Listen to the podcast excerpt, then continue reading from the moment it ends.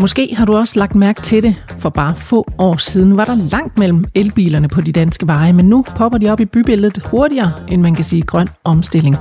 Hjemme i indkørselen hos min kone og mig, der står der to dieselbiler. Og for at sige det som det er, så skammer jeg mig faktisk lidt over det efterhånden. Og det tror jeg også, hun gør. Så vi begyndte at overveje at få dem skiftet ud med elbiler. Men som du måske også selv oplever, så er der altså også mange spørgsmål og bekymringer forbundet med at købe en elbil. Måske særligt lige nu, hvor markedet er i så rivende en udvikling. Noget af det, der har holdt mig tilbage fra at købe en elbil indtil videre, det er, at den kører på el. Ja, altså ikke det, at den kører på el i sig selv, det, det er ikke det, der er min bekymring, men at jeg skal til at skifte det brændstof, som min bil kører på. Jeg har altid været vant til diesel, som jeg bare fylder på bilen, og så kører den afsted. Men med en elbil, der skal jeg til at forholde mig til ladestandere og rækkevidde, eller måske mangel på samme, og en helt ny og, forestiller jeg mig i hvert fald, meget mere teknisk måde at holde øje med tanken. Er du også nybegynder, når det kommer til elbiler, så kom med på øh, min rejse, når jeg sammen med en række gavede elbilskender taler om alle de spørgsmål, der kan opstå, når du, ligesom jeg, overvejer at springe ud i livet med elbil. Elbil for begyndere er produceret for Nordlys af det nordiske mediehus. Jeg hedder Anne Kejser. Velkommen til. Og også velkommen til dig, Chris Jønsson. Tak.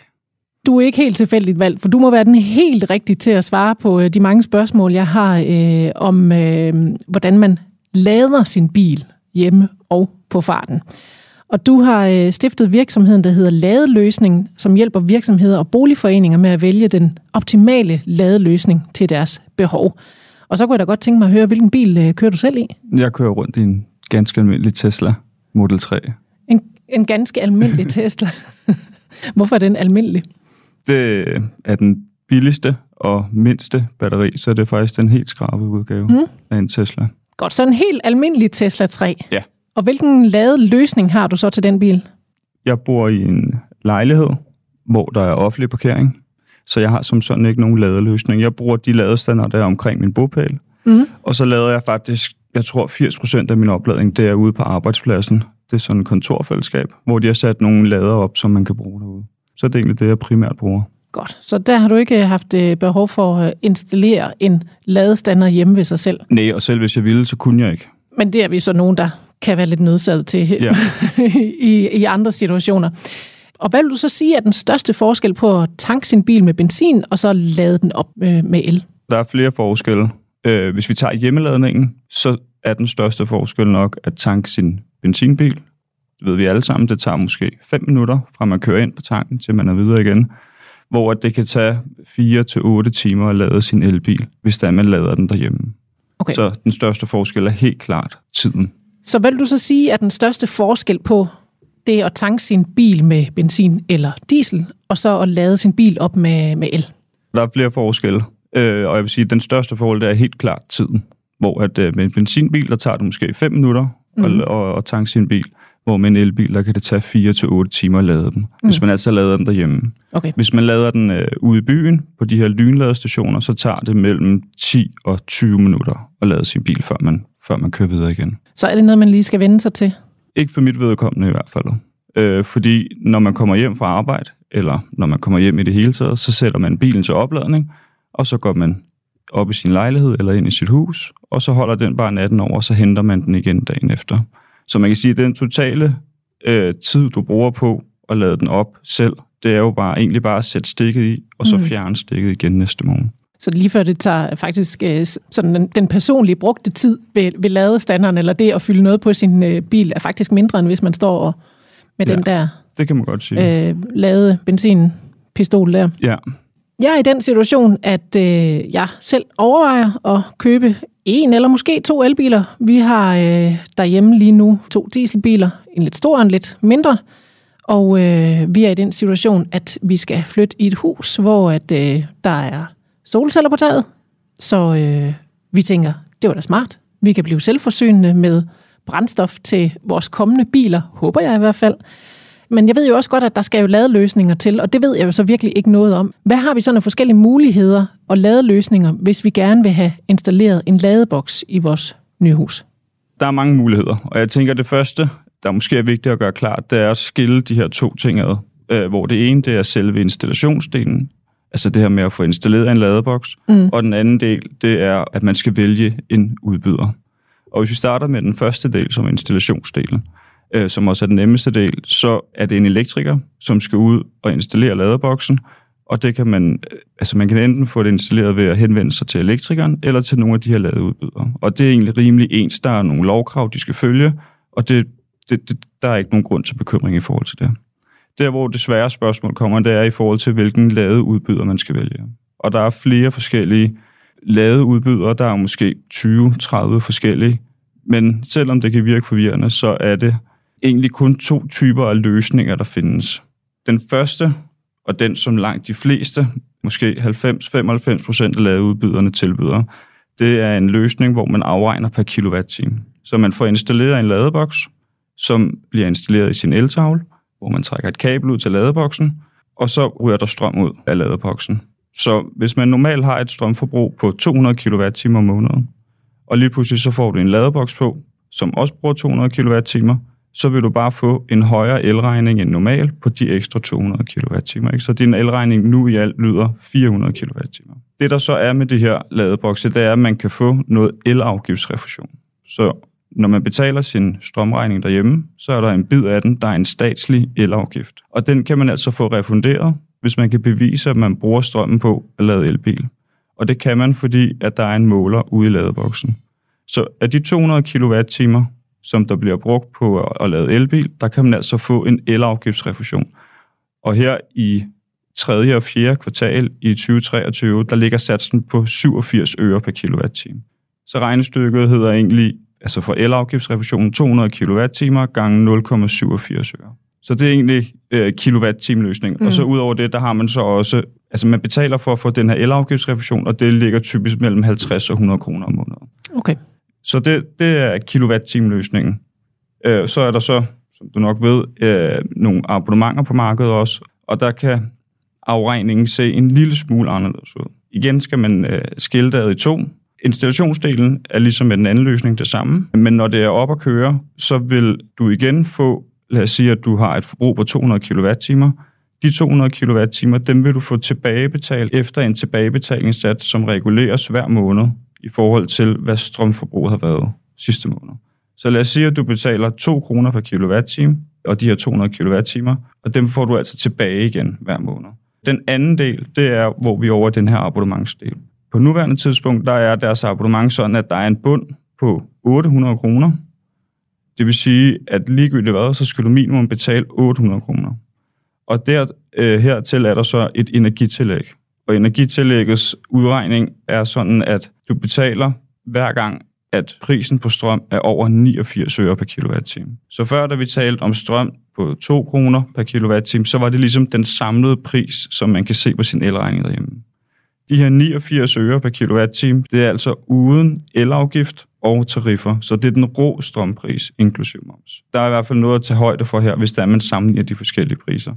Hver gang strømmen koster mere end 89 øre per kilowatt-time, så betaler man for forbruget. Så lad os for nemhedens skyld bare sige, at strømmen koster 90 øre per kilowatt-time. Så betaler du 1 øre per kilowatt-time gange de 200 kWh, du så har lavet det. Så du har en bund på 800 kroner, og så øh, vil du så have 1 øre gange 200 kWh. Mm. Og det er jo sådan, kommer lidt an på, kan jeg forestille mig, hvor meget man så lader, hvilken løsning man skal tage. Ikke? Ja, så for at gøre alt det her øh, meget lange, komplicerede snak omkring øh, kilowatt-timer, så øh, helt kort fortalt, så kan det typisk betale sig med en abonnementsløsning, hvis du kører mellem 22 eller 26.000 km om året.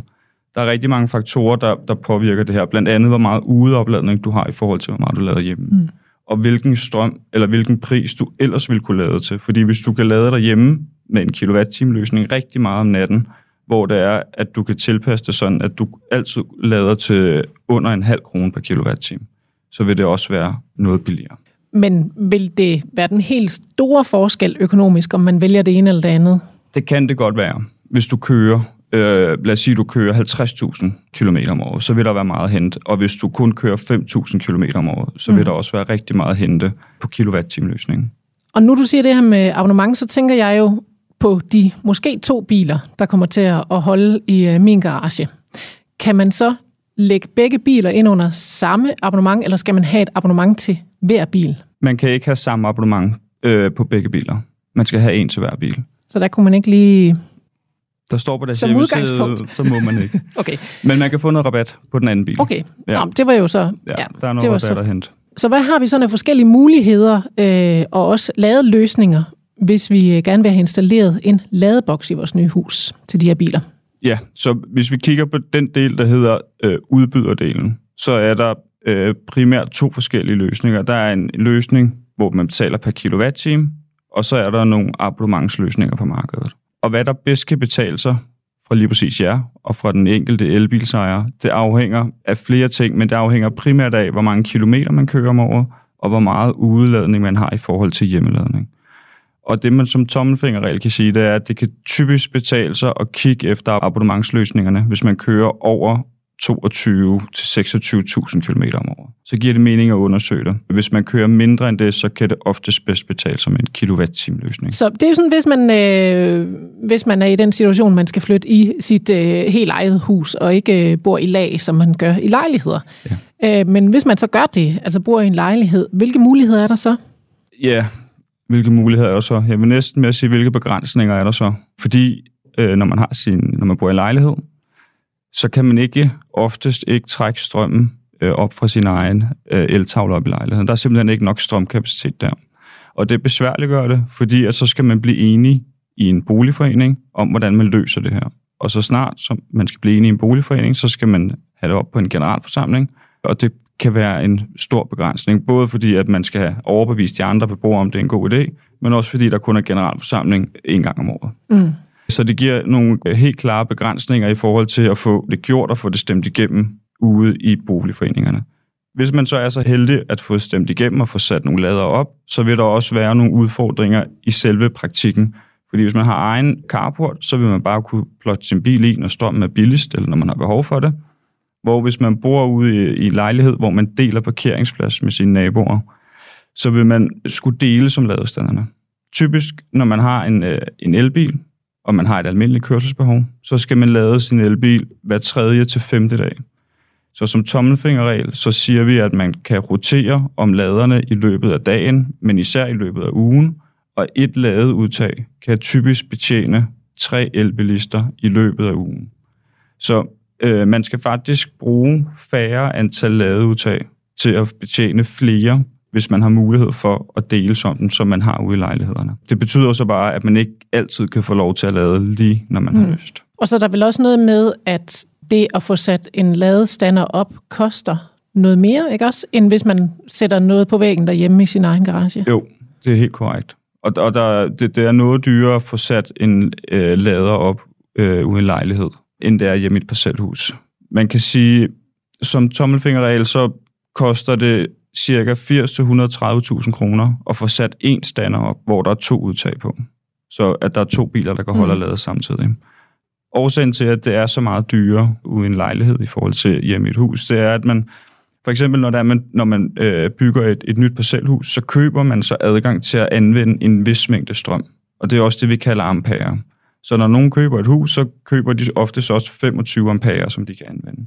Ude i lejlighederne, der laver man typisk en helt ny installation ud fra de her kabelskabe, som der står placeret rundt omkring på offentlig vej. Og når man gør det, så skal man ud og investere i nogle flere ampere eller i noget mere strøm, og det koster altså nogle penge, det her. Det er den ene grund til, at det koster noget mere ude i lejlighederne. Den anden grund er, at man, at man kan ikke lave kabelføring indenfor. Man skal have gravet jorden, så man skal have nogle gravefolk ud. En tredje grund er, at man skal have nogle dyre ladebokse, fordi de skal kunne kommunikere med hinanden og lade intelligent. Øh, Og det sidste det er jo så, at man skal have dem op på nogle stander også, hvor hjemme i en carport kan de typisk væghænges. Hvor hvis de står ude i frit terræn, så skal der op på nogle stander, og det koster også en smule. Hvor mange penge var det, du sagde, det kostede cirka for at få sådan en stander op? Ude i en øh, lejlighed, Ja. en stander med to udtag koster ca. 80-130.000. Så sidder jeg jo her og tænker, Åh, nu siger du godt nok, det er dyrere end, end den øh, løsning derhjemme. Hvor meget koster det så at få sat sådan en, en op på væggen derhjemme? En standardinstallation ligger og svinger mellem 10 og 13.000 kroner. Ja, det er jo så nok en helt anden pris, Ja. må man sige. Det må man sige. Ja. Øh, og så kan det jo godt være, hvis man sidder i en lejlighed og tænker, den gik ikke til generalforsamlingen, eller det har vi ikke øh, råd til at få lavet de her stander her. Øh, jeg smider lige sådan en, øh, en, en mormorlader ud af vinduet og ned til bilen. Kan man det så? Kan man bruge sådan en og bare sætte den i sin stikkontakt derhjemme, og så øh, fyre den ned til bilen? Man kan godt, men det er en dårlig idé. Man bør ikke. Man bør ikke. Så, og det er der også flere grunde til. En af grundene, det er, at, at det går simpelthen bare for langsomt. Øh, der kommer 1,3 kW ud af en stikkontakt. Så hvis jeg skulle lade min bil, som har et 50 kWh batteri, så er udregningen 50 kWh divideret 1,3. Og det tager cirka 32 timer at få lavet min bil op. Den anden grund, det er, at hvis du trækker strøm ud af en stikkontakt, så er den ikke beregnet til at have maksbelastning i så mange timer. Så Sikkerhedsstyrelsen anbefaler faktisk, at man får sat en ladeboks op, fordi at stikkontakten er ikke beregnet mm. til det. Og det, det er ikke helt sikkert. Og den sidste øh, grund, som også er nem at sætte sig ind i, det er, at hvis man er berettet til den her elafgiftsrefusion, så kræver det, at der sidder en måler ude i ladeboksen, og det gør der af god grund ikke en stikkontakt. Nej. Så for, hvis man skal elafgiftsrefusion, så skal man også have en ladeboks. Okay. Ja. Det var også godt og stærkt argument, synes jeg. Ja. Man misser nogle penge der. Jeg ved så også, at i nogle landområder i Danmark, der kan man, øh, der kan man ikke lade øh, for mange elbiler på samme tid. Altså man bruger simpelthen for meget strøm, fordi at ladenetværket ikke er stærkt nok. Hvad gør man så? Det er et politisk problem. Som elbilsejer kan man ikke gøre så meget andet end, øh, hvis man bliver bedt om at, øh, at lade være lade, så må man lade være med det. Man kan ikke gøre så meget, eller tage så mange forbehold som elbilsejer. Nej. Så, så må vi vente til, at der bliver gravet nogle øh, større kabler ned ja. i jorden, simpelthen. Det må man. Ja, der er simpelthen en fysisk begrænsning. Man kan ikke gøre noget for lige, lige at få lavet lidt hurtigere eller noget. Nej, ikke som elbilsejer. Og hvis jeg har lov til at sige lidt mere omkring det her med ja. elnettet i Danmark, så mm. har der været mange rapporter ude, og der har været meget snak omkring det her med elbil, eller med elnettet øh, i Danmark, ikke kan klare de, alle de kommende elbiler. Som det ser ud lige nu, så er der øh, 2,7 millioner øh, biler i Danmark, og cirka 4-5 procent af dem, de er elektriske eller elbiler. Lige nu, der bruger Danmark 35 terawatt-timer. I 2030, der forventer man, at man skal bruge 105. Så det er altså tre gange så meget, som, som der bliver brugt nu. Ud af de øh, 105, som der skal bruges i 2030, så er det altså kun 4 procent, man regner til med, at der skal gå til opladning af elbiler. Så der er et kæmpe problem med elnettet i Danmark.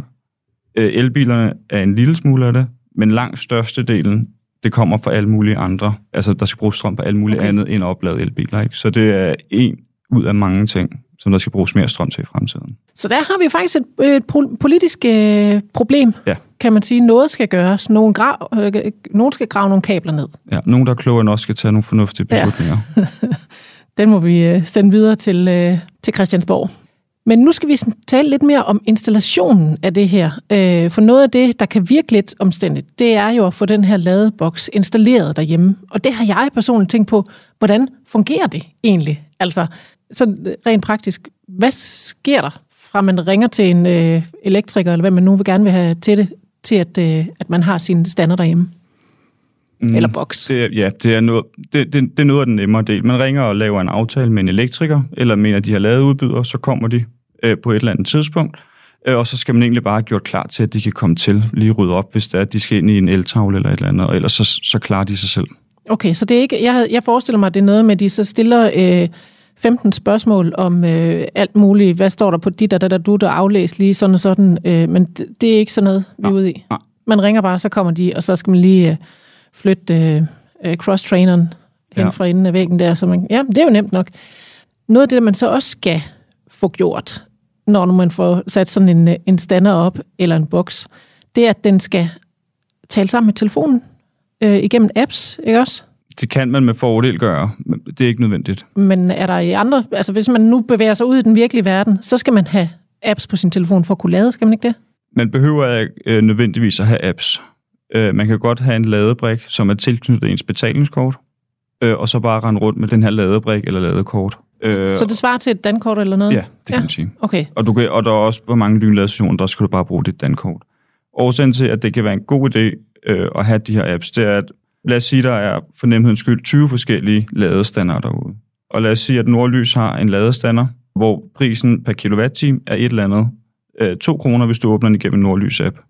Men så er prisen anderledes, hvis du åbner den igennem nogle andre apps, fordi at der skal lægges, pålægges et gebyr, hvis det ikke er betaling direkte igennem. Okay. Ikke? Så derfor så har man typisk som elbilsejer alle mulige forskellige apps, selvom at man kan tilgå alle ladestanderne med en app, men for at finde den bedste pris. Så du siger, der er måske 20 løsninger derude. Vil det sige, at man skal have 20 apps liggende på sin telefon, som man skal bladre rundt i? Det behøver man ikke, men hvis man vil være sikret altid at kunne finde den billigste pris per kilowatt-time, så kan man godt bladre alle 20 apps igennem. Så skal man også ville det, Ja. tænker jeg. Ja. Når du så skal oplade din elbil derhjemme, så skal du vælge, om du vil eje eller lege din ladestander. Og der kunne jeg også godt lige tænke mig at øh, høre dig lidt, hvad, hvad forskellene og også fordelene er ved det ene og det andet. Hvis nu du kigger på og det at eje en, øh, en ladestander, hvad er så fordelen ved det? I forhold til opladning og sådan noget, der er det det samme. Så det, det er et spørgsmål om, med så mange andre ejer- og legeting, om man øh, har råd og har lyst til at have den øh, udbetaling på den her standardinstallation på 10-13.000 kroner. Så det, det er det, den koster.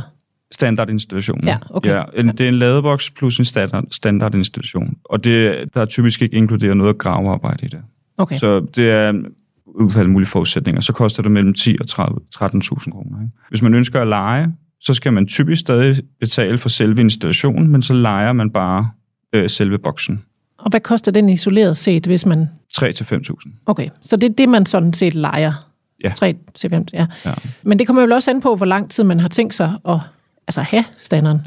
ja, det er jo nemlig. Altså, totalt økonomisk, så kan det oftest næsten altid betale sig at eje det. Men hvis man ved, at man skal flytte, og man ved, at det sted, hvor man skal flytte hen, der er der allerede en stander, så giver det måske ikke mening at købe den. Så skal man i hvert fald til at have pillet den ned igen, og måske solgt den på den blå avis, når man vil flytte, og det gider man måske ikke. Godt, så det kunne, øh, hvis man, hvis man i forvejen ved, at her skal jeg ikke bo for evigt, så skal man overveje en lejeløsning. Godt, jamen hvordan fungerer det så, hvis man vælger at lade ude i byen, i stedet for at installere lademulighederne derhjemme? Jeg vil sige, at, at hvis man har mulighed for at få installeret en ladeboks derhjemme, så er det anbefalesværdigt i forhold til opladningsprisen.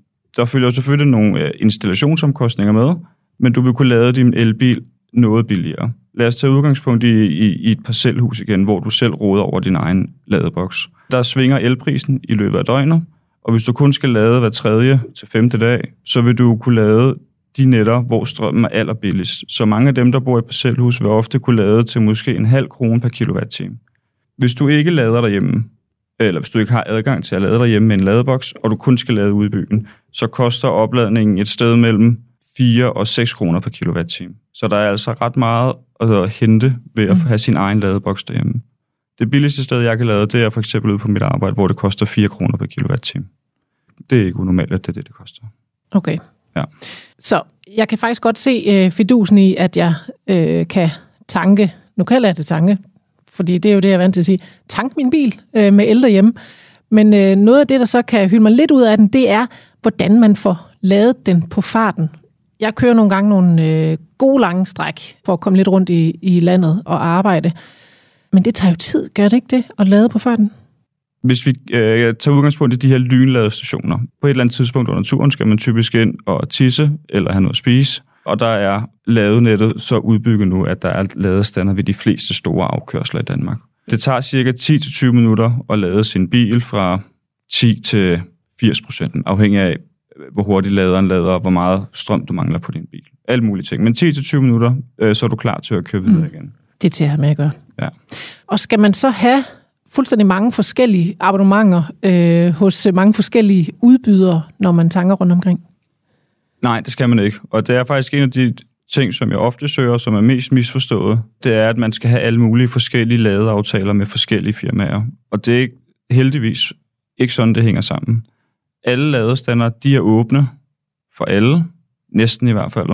Så hvis man kommer øh, over til en ladestander, så vil der være en pris på den ladestander. Og det er ikke sådan, at du skal bruge et bestemt abonnement for at kunne tilgå en ladestander. Det kan godt være, at du kan få en lille smule rabat, hvis du har et abonnement hos en, en, hos en ladeudbyder, hvis du så lader på den samme. Men du vil altid kunne tilgå en ladestander, næsten altid i hvert fald. Okay, så Ja. det er faktisk lidt ligesom, når man øh, tanker, tanker ja. benzin eller diesel. Man kan godt være med i deres særlige klub og spare lidt, men benzin eller diesel er egentlig tilgængelig for alle, ligesom Ja. strøm er. Okay. Lige præcis. Så der er nok skal- bare endnu mere at spare lige præcis på det her el. Der er, altså, det er mere end bare lige 5 øre, eller hvor meget Okay. det er, hvad med benzinen. Ikke?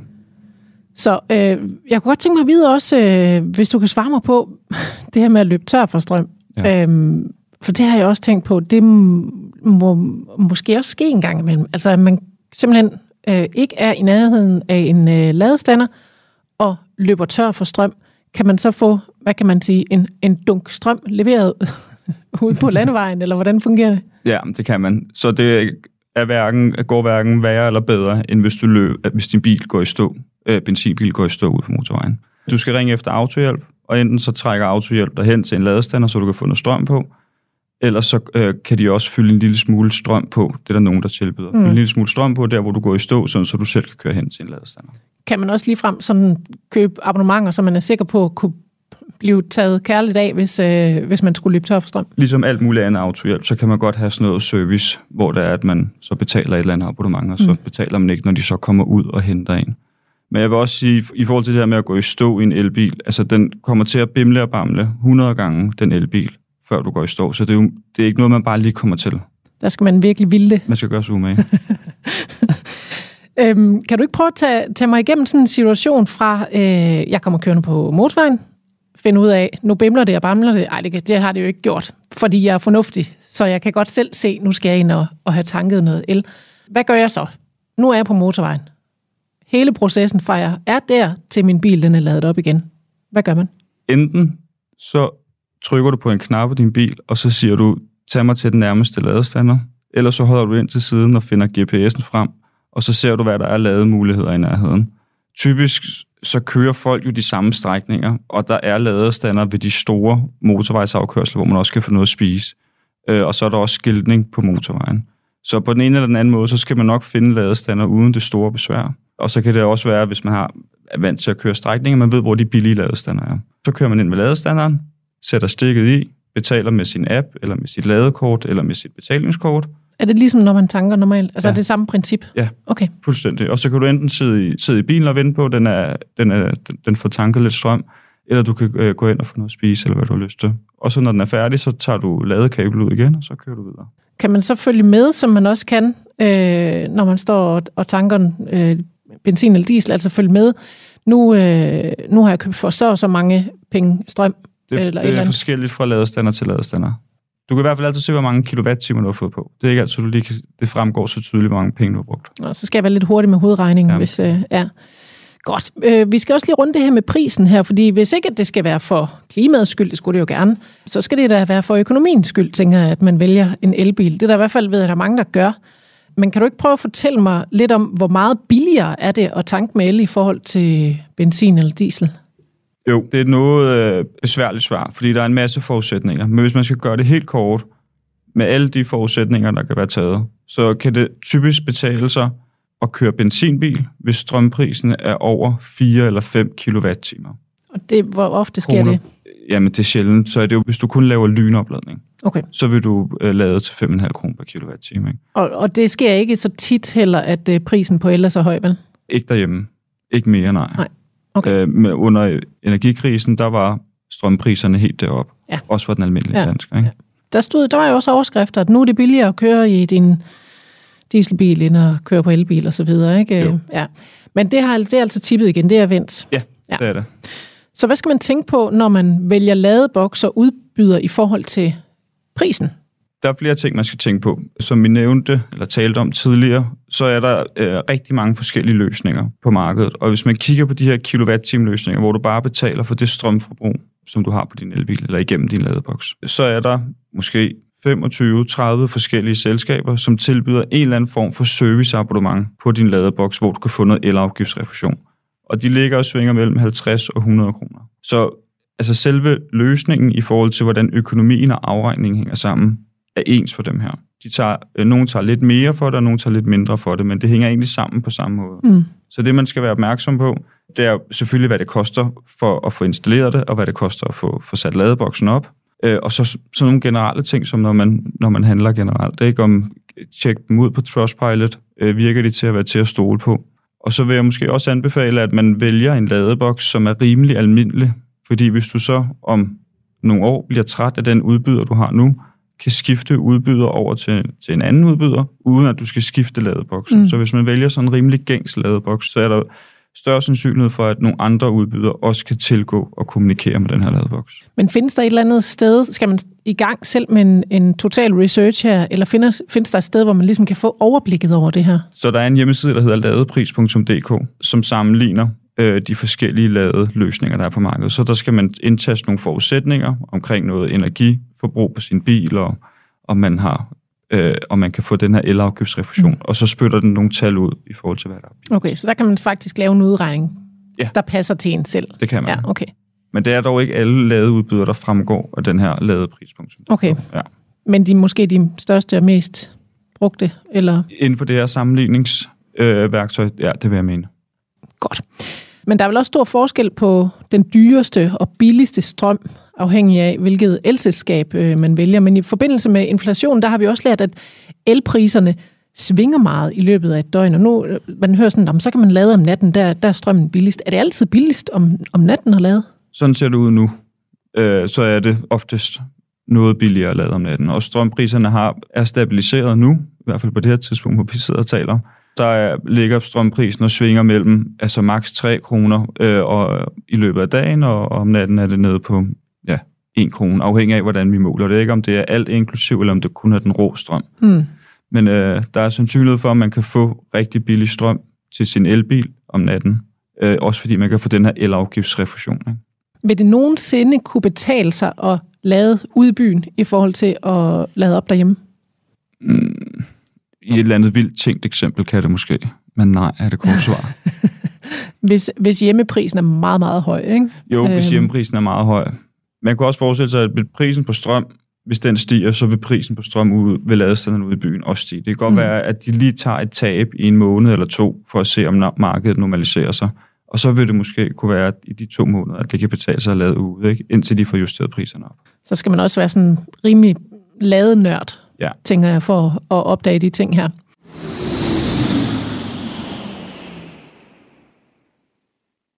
Godt. Øh, før vi øh, slutter af her, så har jeg lige et par myter til dig.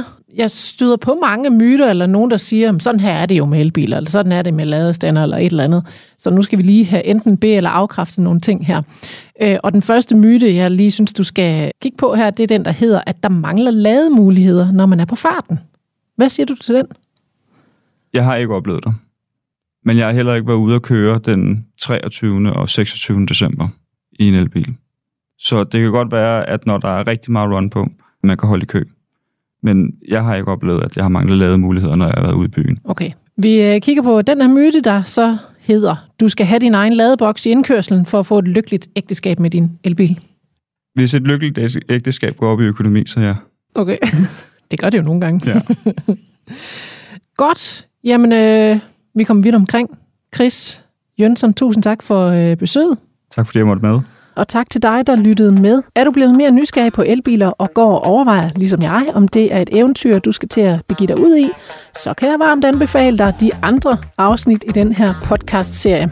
Her kan du få tips til at rejse på længere ture med elbil, blive klogere på elbilerne fra et klimasynspunkt, og forberede dig på den mentale omstilling, det også kan være at skifte fra fossilt brændstof til el. Podcasten her er en del af universet Bliv klar til elbil med Nordlys, som du kan dykke ned i på nordlys.dk-elbil. Mit navn er Anne Kejser. Tak for nu og på genhør.